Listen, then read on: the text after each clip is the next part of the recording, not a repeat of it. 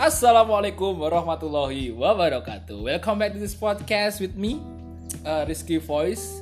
Dan kali ini tidak sendiri karena sendiri itu um, menyakitkan, tetapi sendiri itu yang membuat kita lebih kuat. Oke, makanya tadi kan uh, stay at home terus ya untuk kalian semua. Semoga tetap uh, dalam kondisi fit uh, dan tetap semangat di setiap kegiatan sehari-hari.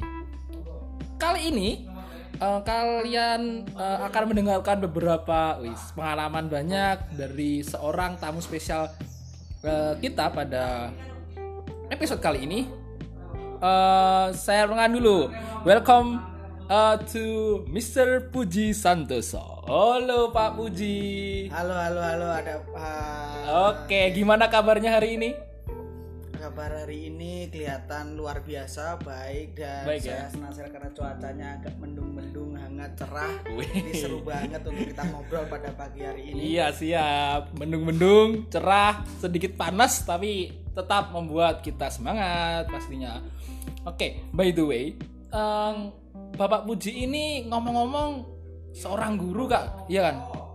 Seorang Iya, guru iya, bukan? Iya, iya. Iya, saya pengajar di salah satu MTS di Kanigoro, di salah satunya adalah MTS Al Muslimun Trogo. Terus eh, saya eh, lebih seneng dengan anak-anak MTS karena apa? Terlihat lebih punya adab, tutur katanya pada guru kita lebih sopan. Itulah alasannya kenapa saya lebih Hmm. suka di MTS. Ya, gitu. Jadi eh, ngomongin MTS berarti anak-anaknya yang ngomongin madrasah sanawiyah ya pastinya islami banget gitu kan Pak Puji ya? Ya, yang jelas seperti itu. Mm-mm, jadinya pasti adab dan etikanya pasti eh, menjadi apa nomor utama yang harus di ini yang harus apa di yang harus ditekankan kepada anak-anak. Yang saya tahu seperti itu. Nah jadi Pak Puji ini seorang guru di MTS Al Muslimun Telogo jadi buat anak-anak yang sekolah di MTS Al Muslimun Telogo harus bangga dong punya eh, guru seperti Pak Puji ini. Ngomong-ngomong ngajar apa Pak Puji Saya alhamdulillah di sana ngajar seni budaya sama bahasa Indonesia. Padahal saya khususnya adalah bahasa Indonesia sih. Oh gitu, ngomong bahasa Indonesia, tapi ngajar seni budaya. Iya, itu salah satu suatu hikmah dan suatu keberuntungan bagi saya karena saya mendapatkan mandat untuk mengajar seni budaya. Ah. Jadi menikmati menjadi seorang seniman itu kayak Wih. gimana rasanya. Wah, luar biasa. Ya siap siap. Eh kalau seni budaya biasanya ngajar kayak gimana?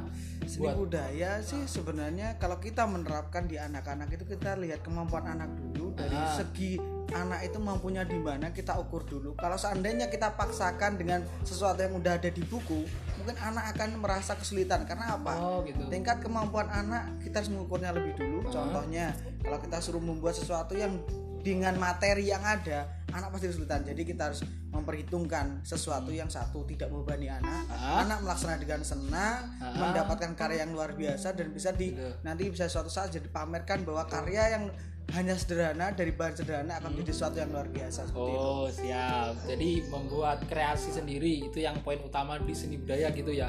Tidak manut ke terlalu apa setak ke buku ya gitu Iya. maksudnya. Jadi tetap Sen- karena seni itu kan nggak bisa dipaksakan kamu seperti ini tapi seni Oh. itu adalah mengalir dari jiwa seseorang Wih. dengan cita rasanya sendiri dari sudut pandangnya sendiri tanpa kita bisa memaksakan tapi cuman kita sebagai guru hanya bisa mengarahkan apa yang bisa kamu ciptakan dari hasil sesuatu yang sederhana menjadi sesuatu yang luar biasa dilihat mata itu indah nikmat dan bisa dikatakan luar biasa oleh seseorang Yeay, asik. Seperti orang masak ya. nah orang masak cita berarti rasa cita rasanya harus ada. lidah orang kan berbeda-beda Ah, ada yang ah. suka asin, suka Ya, asam, betul. suka manis. Dan apalagi kalau saya itu sukanya gado-gado macam-macam saya suka ini. Saya nggak tahu kenapa saya lu suka suka segalanya. Iya, kalau orang bilang saya tuh omnivora, Oh, makan iya. segala. Apa pun dimakan. iya, Iya. itulah kodrat manusia tuh omnivora banget Iya, sebenarnya. omnivora, semuanya dimakan. Tapi by the way, ya pasti eh, ada cita rasa yang harus di apa yang kesukaan dong pastinya nggak semuanya kalau dimakan. Jadi seperti seni budaya tadi. Em, ngomong seni budaya eh, ngajar kelas, Kalau seni budaya saya khusus ke kelas 7. Hah? Kalau bahasa Indonesia saya khusus sekarang kelas 9. Apalagi Oh, ini gitu. sekarang eh, kelas 9 kan harusnya menghadapi ujian ternyata ujian nasional udah dihapuskan jadi anak sekarang stay at home Stay karena at home. lockdown juga jadi mereka sekarang tuh lagi mungkin saya tahu mereka setiap kali dikirim tugas mereka akan merasa bosan. Jadi Ah. hari ini Ah. saya pengen membahas sesuatu yang membuat mereka agar tidak bosan di rumah dengan cara sesuatu yang lebih menarik, Menarik ya? menikmati lockdownnya di Ah. rumah tanpa harus keluar ke mana-mana, tanpa harus berkeliaran ke mana-mana, Ah. tetap stay di rumah dan menikmati bersama orang tuanya dan Hmm. mendapatkan sayang luar biasa tanpa harus di harus dimarahi kamu keluar aja terus kan biasa tiap hari dirasain Ah. anak. Jadi Iya, iya. mereka biarkan di rumah tapi nggak merasa gabut. Wes istilah iya. kerennya anak ya. kan sekarang gabut. Berarti stay at home, no Ah, gabut. no gabut, yes. Oke, mungkin itu yang paling keren stay at home no gabut. ya stay at home no gabut ya. Nanti kita ngomongin stay at home no gabut untuk uh, kali ini. Nah, nanti saya tagih nih, Pak Puji nanti saya tagih tentang memberikan tips nah, biar nggak gabut di rumah. Tapi sebelum kasih tipsnya, jadi nanti podcastnya harus dengarkan sampai habis, gitu ya. Oke, ini Pak Puji ngomong-ngomong kan tadi sudah ada di guru dan ngomong-ngomong kan saya juga pernah dengar uh, ada salah satu wisata di Jati di Kabupaten Blitar namanya Jati Park. Ini ngomong-ngomong Pak Puji ini jadi seperti apa sih di Jati Park? Wah, ini kan pembocoran dari mana? Ini, wah, ini mata-matanya banyak ini ya pasti. Saya sudah mempersiapkan Oh. materi sebelumnya. Gini gitu. gini, kalau masalah jadi pak tuh ceritanya panjang kali lebar kali tinggi, tapi sekarang kita hanya akan cerita yang indah-indah karena Oke. hari ini kita eh, temanya adalah no gabut. No Jadi gabut, kalau ya. ceritanya sedih itu orang kan jadinya gabut. Kok ceritanya sedih mulu, padahal ini lockdown lagi sedih, lagi lagi gabut di rumah. Jadi gini, hmm. Kalau indahnya jadi park tuh kan memang lingkungan yang kita buat wisata yang kita ciptakan itu emang dari alami dari alam yang luar biasa. Emang di sana hutan jati makanya jati park. Dan di sana emang eh, kalau dibilang adalah paru-parunya dunia kawasan Blitar aja sih. Blitar Raya. tapi sebenarnya kalau dibilang paru-parunya benar karena di sana emang hutan full. Full hutan ya. dengan memang alami Hmm. dan oksigen kalau mau menampung oksigen di paru-paru kita aja wah mau berapa oksigen terkantongin bawa pulang boleh lah Gitu boleh. jadi gini wisata itu memang kita di bawah naungan perhutani Ah. kita memang khusus untuk wisata itu untuk edukasi juga bisa Ah, oke. intinya wisata ini kita ciptakan hanya untuk pemberdayaan masyarakat dan untuk dinikmati masyarakat tanpa harus melihat isi kantong Oh gitu. Kebanyakan orang kan kalau wisata Ah. pasti mahal lah, Hmm. pasti nanti jualan di sana mahal lah. Tapi kenyataannya jadi pak itu nggak seperti yang dibayangkan orang-orang.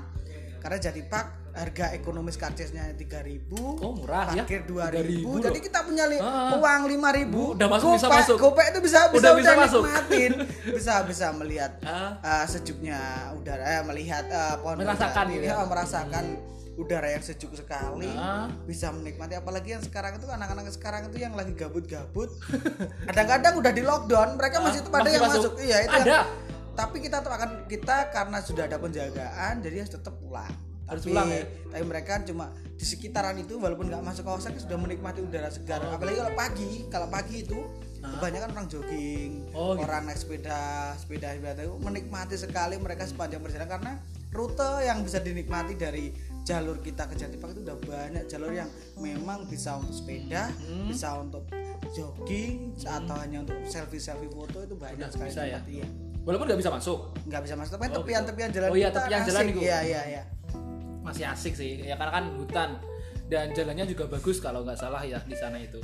Jadi eh, nggak usah khawatir sih kalau mau apa naik sepeda ke Jati Park nggak usah khawatir walaupun ditutup. Iya, tapi kan tepian Hmm, kita walaupun hanya akan melewati jalan yang memang jalan utama itu bisa menikmati sepanjang jalur sampai utara itu bisa menikmati pemandangan yang luar biasa. Tanpa polusi karena polusinya sedikit banget di sana karena kita di sana. Iya masih sih. Bener-bener alami pohon-pohon masih banyak sejuknya luar biasa apalagi ini saya ini diundang oleh Mas Rizky ini untuk turun gunung ini ceritanya. Ini saya merasakan karena sudah lama banget di gunung sana menikmati Iya, iya, udara iya. yang dingin. Saya turun ke sini berapa menit tadi udah ngerasain anget badan Oh, saya. anget ya? luar biasa.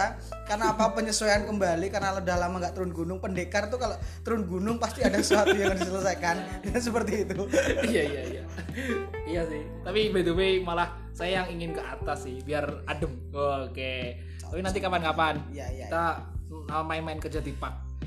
Nah tadi saya sudah ngomongin uh, pengalaman di guru tadi guru seni budaya dan bahasa Indonesia walaupun bahasa Indonesia ya iya basicnya bahasa Indonesia. Basicnya bahasa Indonesia lulusan bahasa Indonesia tapi ngajarnya juga seni budaya juga. Istimewa sih kan multi talents guys asik.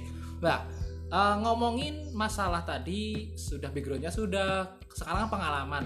Pengalaman nih selama apa covid 19 ini eh, mewabah di seluruh Indonesia, dunia lah bahkan dan semua diliburkan. Sekolah libur, di Jatipak tadi juga libur. Ini ngapain kalau di rumah sih? Pak Puji ini. Kalau di rumah saya tuh lebih sering karena saya tuh hobi banget sama namanya burung. Oh, ya burung. kan? Saya tuh pecinta Ah. burung banget, Oke. hobi banget sama burung. Saya tiap hari ya main cuma lihat burung, main kasarannya saya bersihin kandang-kandang burung dan itu lebih ketika kita menjemur burung pagi itu secara tidak langsung kita menikmati juga Oh. berjemur berjemur juga karena kan juga kita tahu bahwa covid itu atau virus covid-19 Ah, ini COVID-19 ah. ini kan nggak bisa tahan panas Hmm. dia mudah hancur banget lah sekalian aja nikmatin hobi sambil kita juga berjemur sama-sama item item kan bukan berarti kita nggak tampan apalagi sekarang skincare udah nggak laku Oh, iya, kayaknya nih skincare sekarang. laku ya. skincare udah nggak laku Masker sekarang yang laku. masker yang laku karena laku. apa sekarang kelihatannya tahun ini Ah. trennya akan beda bukan putih atau glowing tapi akan apa hitam tapi manis itu yang paling menarik kecap nomor satu Kecap Ya kan? nomor satu. itu skincare udah nggak laku tahun ini Coklat-coklat eksotis Iya. gitu ya, asik. Apalagi orang pasti akan berkiblat orang yang hitam tuh pasti paling cantik, paling Ah, ganteng ah. karena apa? Mungkin orang Afrika akan menjadi sesuatu yang tren yang akan ada di, Di tahun masa depan. 2021. Yes. karena apa? Orang-orang udah hitam semua. Iya, skincare udah public skincare udah tutup karena kalah dengan matahari langsung kan. Betul betul sih.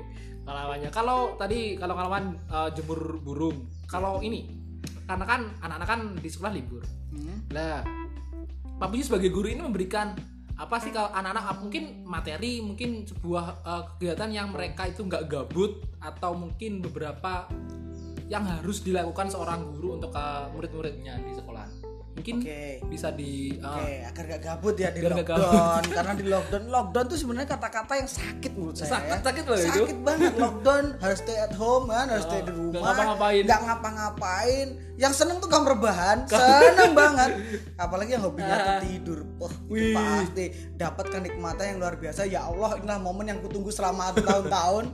Dan anak-anak sekarang gini, mereka tuh seperti seolah kemakan dengan kata-katanya sendiri. Kapan Pak kita bisa menanti libur berbulan-bulan? Inilah jawabannya, Jawabannya sekarang. ya. Tapi kenyataannya kita lihat di sosial media, kita lihat di Ah. di lingkungan kita sehari-hari.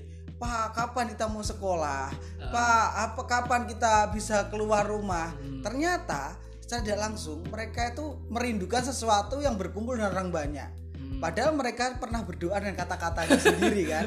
Ucapan ada doa. Betul. Kapan kita bisa ngerasain libur panjang tanpa mikir sekolah? Hmm. Kenyataannya setelah kita dapat sesuatu yang mereka inginkan, mereka protes. Kapan kita masuk? Masuk. Nah, itu kes- Wah, itulah kata-katamu adalah doamu. Jadi kalau kita berkata-kata, lebih baik kita berpikir oh ya ini akan terjadi apa ketika aku berkata seperti ini karena ucapanku adalah doa dan kita nggak akan mungkin bisa menarik kembali kata-kata kita kita harus lebih bijak dalam berkata-kata oke kita kembali lagi ke masalah kegabutan biar nggak gabut ya ya. biar nggak gabut mungkin yang punya hobi. Ini yang susah adalah hobinya ngeluyur. Ini bahaya Oh, ini- ini. ini karena ngeluyur nggak boleh Nah, ini ya. karena ngeluyur nggak boleh harusnya mereka udah mulai berpikir mengganti hobi yang bisa menghilangkan kegabutan karena hobinya ngeluyur harusnya dihilangkan dulu hobinya ngeluyur. Jadi cari sesuatu yang bisa diciptakan di rumah. Misalkan nih kalau saya kan ini punya burung nih. Kalau burung saya jemur lihat dia berkicau senangnya bukan main. Tapi untuk anak-anak yang hobinya itu keluyuran pada keluyurannya biasanya nih yang saya Ah. hasil survei Iya. hasil survei saya ketika saya lihat anak biasanya cuma main game Ah. ke kopi ngopi sama teman-temannya Ah, ah. mungkin hanya akan berkumpul dengan temannya hanya sekedar hanya foto-foto selfie sebenarnya ini bisa tiga ini bisa dilakukan di rumah semua kok oh iya sih contoh misalkan yang tadi main game kan main game bisa di rumah bisa. tinggal beli kuota, Kuota. Di tempat-tempat pembelian pulsa terdekat kuota kan tinggal mereka tinggal main di rumah nah, tapi ini efek yang tidak bagus di game adalah Oh, ketika mereka lupa dengan waktu Iya. waktu sholat waktunya makan Hmm. waktunya istirahat mereka tetap akan main game itu yang kurang bagus sebenarnya kalau seandainya mereka itu anak bijak lebih tahu oh game itu apa sih fungsinya Ya, game artinya kan bermain. bermain berarti kan menyenangkan harusnya Nah. bukan berarti harus mengejar Melupakan. target nah Ah. Kebanyakan mereka melupakan satu kewajiban-kewajiban yang lain Ah. itu bisa kok di diatasi misalkan ketika kan orang itu gak gabut misalkan bangun tidur langsung gabut ah. gak mungkin Gak mungkin langsung tiba-tiba oh bangun tidur. Gabut, oh, gabut. Oh, saya gabut ya? gak mungkin kan pasti itu pasti ada step ketika Ah. dia mulai Ah, setelah dia melakukan kegiatan rutinitas yang lain misalkan ah. itu mereka wah aku tiba-tiba bosan Nah. Apa ini ya? Oh iya, dia punya kuota, punya salah satu game yang menyenangkan. Oke Ah. lah, main game dulu lah. Tiba-tiba game pasti harusnya dia tahu aku nanti harus pinter-pinter membatasi waktu misalkan aku nanti saya target 2 jam harus selesai ya game Wow, itu lama loh itu dua jam. Iya, Oh. tapi misal Misalkan ya. misalkan dua jam Tapi jangan, uh, stop chat. gitu. Oh, oke dua jam udah selesai. Berarti otomatis oke saya cari kegiatan Uh. yang lain mungkin istirahat dulu deh, makan. makan bantu orang tua mungkin. ya. Nah, mungkin kalau orang tua mau dibantu apa yang perlu dibantu, Oh. asalkan apa?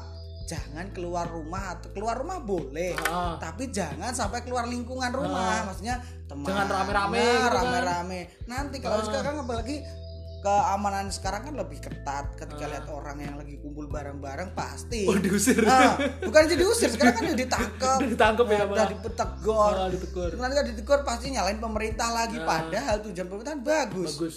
hanya membu- memutus rantai ini biar nggak sampai ke wilayah tersebut mungkin gini orang-orang yang saya lihat yang saya amati mungkin di wilayah yang belum terkena pandemi pandemi. Itu mereka menganggap oh di sini kan aman nggak apa-apa kita kumpul Iya, WD Tapi gitu kan ya. kita nggak tahu kita nggak tahu Ah. orang itu misalkan salah satu si A pergi ke suatu kota Nah, tiba-tiba dia hanya satu hari di suatu kota itu terus dia balik lagi ke kotanya sendiri Jret. dia ketemu sama orang-orang terus dia bersentuhan Deh, ternyata dia udah terpapar Hmm. otomatis yang awalnya hanya mengatakan tidak di sini kan nggak ada apa-apa Hmm. jadi tiba-tiba mereka langsung merasakan yang luar biasa ternyata saya terkena akhirnya oh, oh, gitu. orang-orang ketik sekarang apalagi gini orang-orang itu ketika melihat orang yang terkena terjangkit ODP orang-orang tuh melihat itu seperti kasarnya seperti aib oh, isti- Nah, stigma aib, jelek gitu. stigma, stigma jelek oh ini orang itu orang pasti akan menjauh Oh, iya. seharusnya kita nggak boleh seperti itu kita harus memberi motivasi semangat Iya. tetap berjuang karena apa COVID-19 ini bisa disembuhkan Bisa bisa bisa. yang penting apa orang itu imun imun dibangun oleh uh, pikiran kita Pikiran. sendiri ketika pikiran orang itu merasa tertekan tidak diperdulikan orang lain semakin sedih contoh saja ketika kamu lagi patah hati Wih. ya kan ini kita bicara soal yang yang logika Ah, aja logika ya, patah, patah hati. hati. merasa sendiri merasa dia yang lebih baik karena dia udah menemani kamu bertahun-tahun misalkan tiba-tiba dia pergi saja dengan yang lain. Kamu kan merasa sendiri walaupun kamu ada teman-teman yang support kamu kamu tetap merasa sendiri. Itu sama dengan dengan covid. Orang kena covid sama orang dengan sama dengan orang kena patah hati saya lihat. Karena apa? Mereka pikirnya apa? Apakah saya bisa sembuhkan? Nah, apakah saya akan mati? Nah, apakah saya ini nantinya akan seperti orang-orang yang di sana hanya tidak dikuburkan? Hanya nanti orang-orang akan menjauhi saya ketika saya memang harus meninggal? Itu yang salah. Padahal saya lihat banyak orang bisa sembuh itu karena dia dapat dukungan support dari lingkungan sekitarnya keluarganya teman-temannya. Ah. sama aja dengan patah hati karena patah hati apa? Kalau kita nggak support orang ini ah, ya iya. dia merasa sendiri. Dan or, dia berpikir karena apa? Orang ketika sudah jatuh patah apalagi seperti itu mikirnya saya tuh selalu sendiri nggak ada yang peduli sama saya. Sama aja dengan covid. Ketika orang itu udah diisolasi jegrek. Terus orang-orang nggak pernah memberi support. Dia merasa apa gunanya aku hidup sekarang? Iya sedangkan aku sedangkan sekarang saya terpapar seperti ini orang udah nggak ada yang peduli. Teman-temanku yang dulu biasanya bisa berkumpul dengan saya memberikan semangat ke Motivasi, saya ah, motivasi seperti itu ternyata ketika saya tetap seperti ini terjatuh seperti ini mereka pergi semua. Nah Iya. ini pelajaran yang harus kita uh, terapkan ke untuk kita semua ketika ada orang yang sedang terjatuh kita Ah. bukan berarti meninggalkannya tapi kita kewajiban sebagai manusia mengulurkan tangan Ya, kita betul. dan menariknya kembali untuk lebih bangkit bukan berarti kena covid kita mengulurkan tangan jelas kita nggak Hmm. Ah, boleh bersentuhan iya, tapi dari kata lain kita memberikan semangat dari kita hanya memberikan semangat dengan lewat dukungan moral Hmm.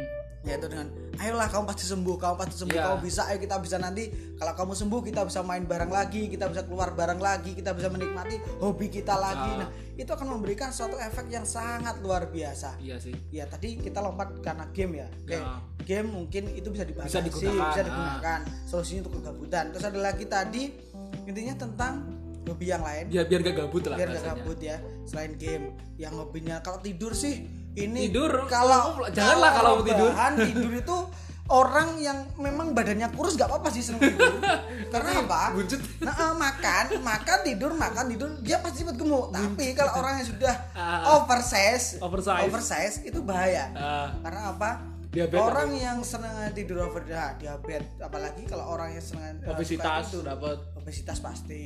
Ke kebugaran pasti Iya. berkurang. Gu- eh, terus ketika dia nanti posisinya sudah gemuknya nggak terasa kan karena tidur bangun Ah. tidur cuma makan itu nanti tiba-tiba dia pasti akan menumbuhkan bibit penyakit. Karena apa? Dia nggak lupa dengan geraknya. Karena hanya Iya sih.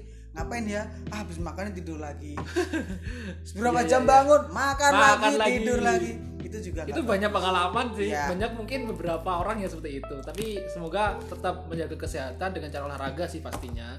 Jadi nanti yang sudah saya tangkap kan eh, yang dijaga itu bukan bukan bukan social distancing ya tetapi physical distancing. Maksudnya sosial itu kan eh, jarak sosial. Bukan jarak sosial tapi cuma physical. Physical itu ini apa namanya tubuh. Berarti tubuhnya yang dijaga bukan sosialnya. Sosial tetap harus di eh, harus diperketat. Jadi harus saling peduli sama sesama teman-temannya membuat motivasi mungkin memperdulikan tidak meninggalkan walaupun nanti eh, si eh, mungkin salah satu dari kita tapi semoga jangan salah seorang mendapatkan eh, positif terdampak corona tapi harus diberikan dukungan bukan malah dijauhi Nah, ini beberapa tips tadi yang sudah diberikan Bapak Puji yaitu bisa buat main game, bantu orang tua, jangan lupa em, menyalurkan hobinya.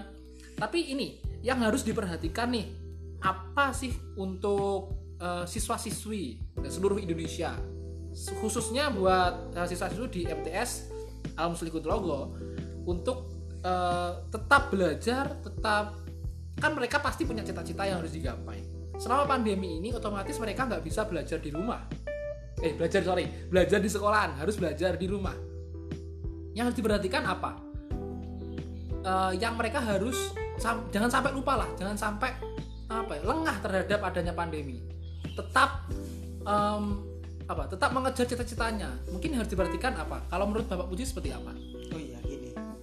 Mungkin selama ini anak-anak kan mikirnya libur itu Ah, libur itu enak libur gitu. itu enak tanpa harus kita no belajar tapi Ah. salah sebenarnya Salah ya? kalau seandainya mereka menganggap libur itu harus sos- eh, berhenti semuanya Ah. semua kegiatan yang mereka lakukan kegiatan sehari-hari itu mereka berhenti itu salah Ah. karena apa maksudnya gini bapak ibu guru memberikan tugas bukan berarti kita tidak memikirkan kapasitas anak Ah, kita tetap memikirkan apa yang intinya apa tujuan kita sekolah adalah tujuannya mereka agar tetap stay at home dengan proses menyibukkan diri agar mereka Ah. nggak kabut tapi kenyataannya yang kita lihat anak ketika mendapatkan tugas-tugas itu merasa ini ada suatu beban nah Iya itu sih. harus mereka harus dihilangkan harus harus dihilangkan bukan pikiran beban, beban tapi sih. mereka Ah. berpikir oh iya saya diberi tugas ini tujuan saya biar saya ada di rumah terus Hmm. agar saya bisa mudah dipantau orang tua saya posisinya di mana jadi tidak menganggap sesuatu yang eh, dikerjakan ini beban jadi lakukanlah karena apa? Selama ini kita ambil tugas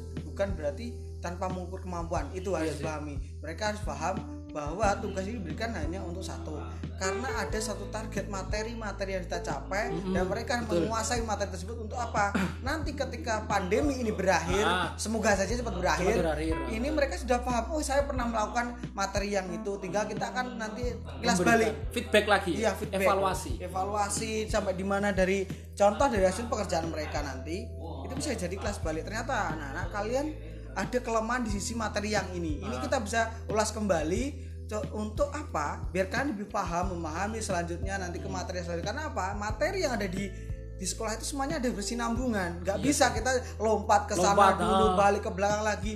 Nanti apa? Sulit, Karena betul. kita udah tahu, paham benar bahwa tingkatan-tingkatan dari materi itu udah ada bobotnya masing-masing. nah, Jadi mereka harusnya oke lah ternyata harus berpikir positif. Nah untuk covid ini biar kita nggak terjangkit adalah berpikir Berpikir positif. positif. Itu salah satu kunci. Jangan seuzon dulu sama gurunya. Ah. Oh gurunya seneng ya Oh. ngasih tugas. Padahal apa? Kita ngasih tugas pun sesuatu yang bisa dikerjakan dalam waktu sekian menit. sekian menit itu nah. pun kita harus juga kita ukur Ah, ini terlalu berat. Kita sebagai saya, saya pengalaman pribadi sebagai pendidik juga mikir ini terlalu sulit. Nah, Oke, akan saya kurangi tingkat kesulitannya saya ganti. Itu pun kita memikirkan itu tanpa kita serta merta pasti kerjakan Ah. tidak kita tetap mikirlah karena apa anak ketika belum pernah tahu materi tersebut pasti akan tak takut kalau salah. salah oh, betul sih Nah, tapi ini yang tujuan kita Hmm. membuat suatu yang pertanyaan yang mungkin ada beberapa yang sulit tuh tujuan biar mereka bertanya. bertanya Karena jadinya kita bisa memastikan anak stay at home bener apa keluar Iya. rumah. dan mereka bisa pikir kritis juga sih nah, itu terhadap materi sebenarnya. Iya. kalau nggak bisa berpikir kritis ini nggak bisa apa ya eh, daya kritisnya akan turun selama dia tidak belajar sih berarti dikasih pancingan-pancingan seperti itu sih juga Ya itulah karena gabut terus mereka merasa pengennya sesuatu yang senang-senang ah betul terus dikasih tugas mereka akhirnya mikirnya tugas lagi Ah. tugas lagi Libur Kan tugas? libur nah Iya itu sih. yang Libur salah tugas. kalau mereka nanti kita hanya membiarkan tanpa ada pemberian penugasan atau sesuatu yang bisa mereka kerjakan pasti mereka akan cari sesuatu yang akan keluar dari jalur Ah, dari Contoh, jalur. kayak sedang keluar apalagi nggak betah kan? Ah. Mereka pasti keluar, Di Keluar. alasan dengan saya ke sana ke mana? Beli apa? Juga baliknya lagi setengah jam lagi satu jam Iya. lagi. Kita itu posisi sekarang kan udah nggak tahu di luar sana siapa yang terpapar iya itulah benar-benar itu yang terpapar, sulit Nah, siapa yang itu sakit karena benar-benar kena covid atau hanya sakit Ah. flu biasa atau batuk biasa kan orang-orang nggak bisa membedakan itu. Hmm. saya kemarin tuh lihat slogan dari beberapa orang tuh ya sambil ketawa karena baca ada yang bilang batu satu kali Hah? anda hanya diperhatikan. Batu dua kali anda Oh, iya, bahasa iya. bahasa dipleroi. Itu Oh. itu udah lucu banget. Batu berkali-kali anda diba- Jadi- dibunuh lah. Itu kan juga Ah, sebenarnya kan corona atau covid-19 ini kan nggak semua orang yang batuk yang Kena. flu itu kena. itu kena covid. Tapi kan mungkin karena siklus alam yang mulai berubah seperti ini tiba hujan tiba-tiba panas itu orang imun kan terus bekerja Iya. untuk melindungi diri apalagi dengan kondisi yang genting seperti ini imun kita itu bekerjanya luar biasa loh kalau seandainya itu mereka bisa berteriak mungkin mereka akan teriak semua tuh kekebalan tubuh kita Ah. karena apa mereka berusaha melindungi diri kita dari siklus siklus alam Ah. dari pem- pemaparan covid itu sendiri kita kan nggak tahu orang yang memang terjangkit covid sulitnya teridentifikasi di Iya, situ nggak bisa dilihat dari apa kacamata kayak gini ya. Iya. Jadi nggak bisa Mungkin dilihat. orang-orang saya lihat terlalu panik. Akhirnya apa membuat slogannya seperti itu. Jadi orang tuh sekarang kalau saya lihat orang batuk tuh kalau bisa lari sejauh iya. mungkin yang tempat sepi, batuk di situ gede. Jangan sampai batuk di depan Jangan sampai batuk. Nah, itu yang bahaya. Bahaya ini. Jadi kalau saya lihat ini bisa-bisa bumerang ya senjata makan Iya Tuhan.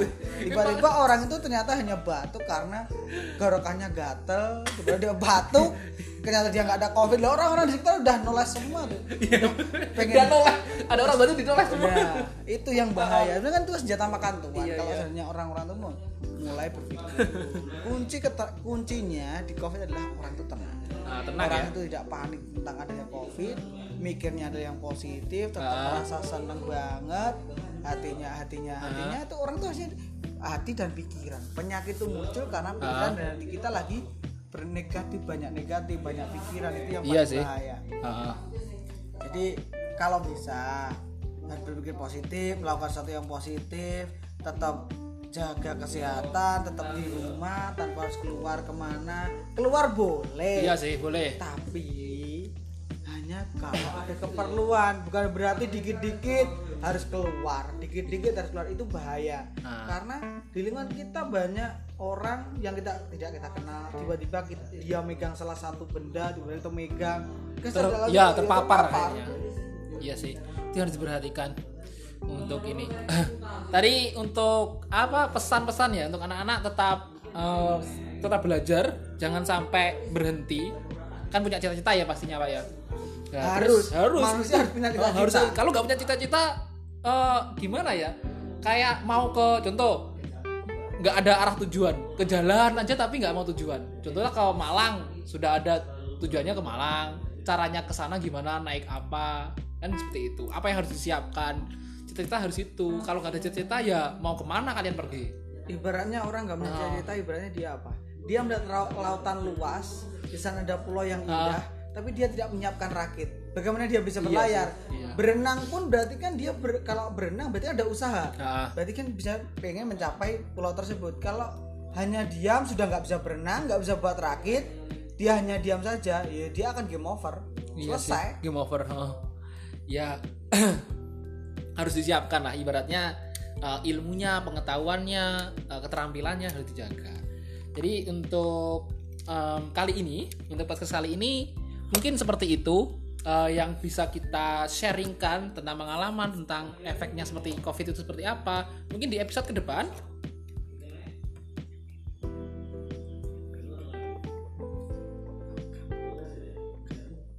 Oh ya, untuk uh, selanjutnya kita mengundang beberapa ya anak-anak MTS Muslimun nah, yang ingin bergabung di podcast.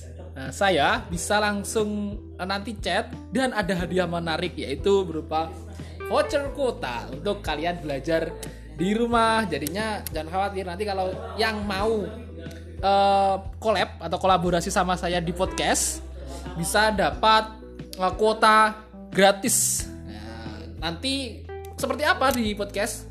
Tinggal menceritakan pengalamannya selama COVID. Uh, nanti dengan tema Stay at Home No Gabut. Mungkin seperti itu yang bisa kita sharingkan. Uh, terima kasih waktunya atas Pak Puji uh, berkenan hadir guys, mengisi podcast kali ini. Oke, um, sekian dari saya. Untuk selanjutnya saya tunggu kabarnya dari kalian semua. Wassalamualaikum warahmatullahi wabarakatuh.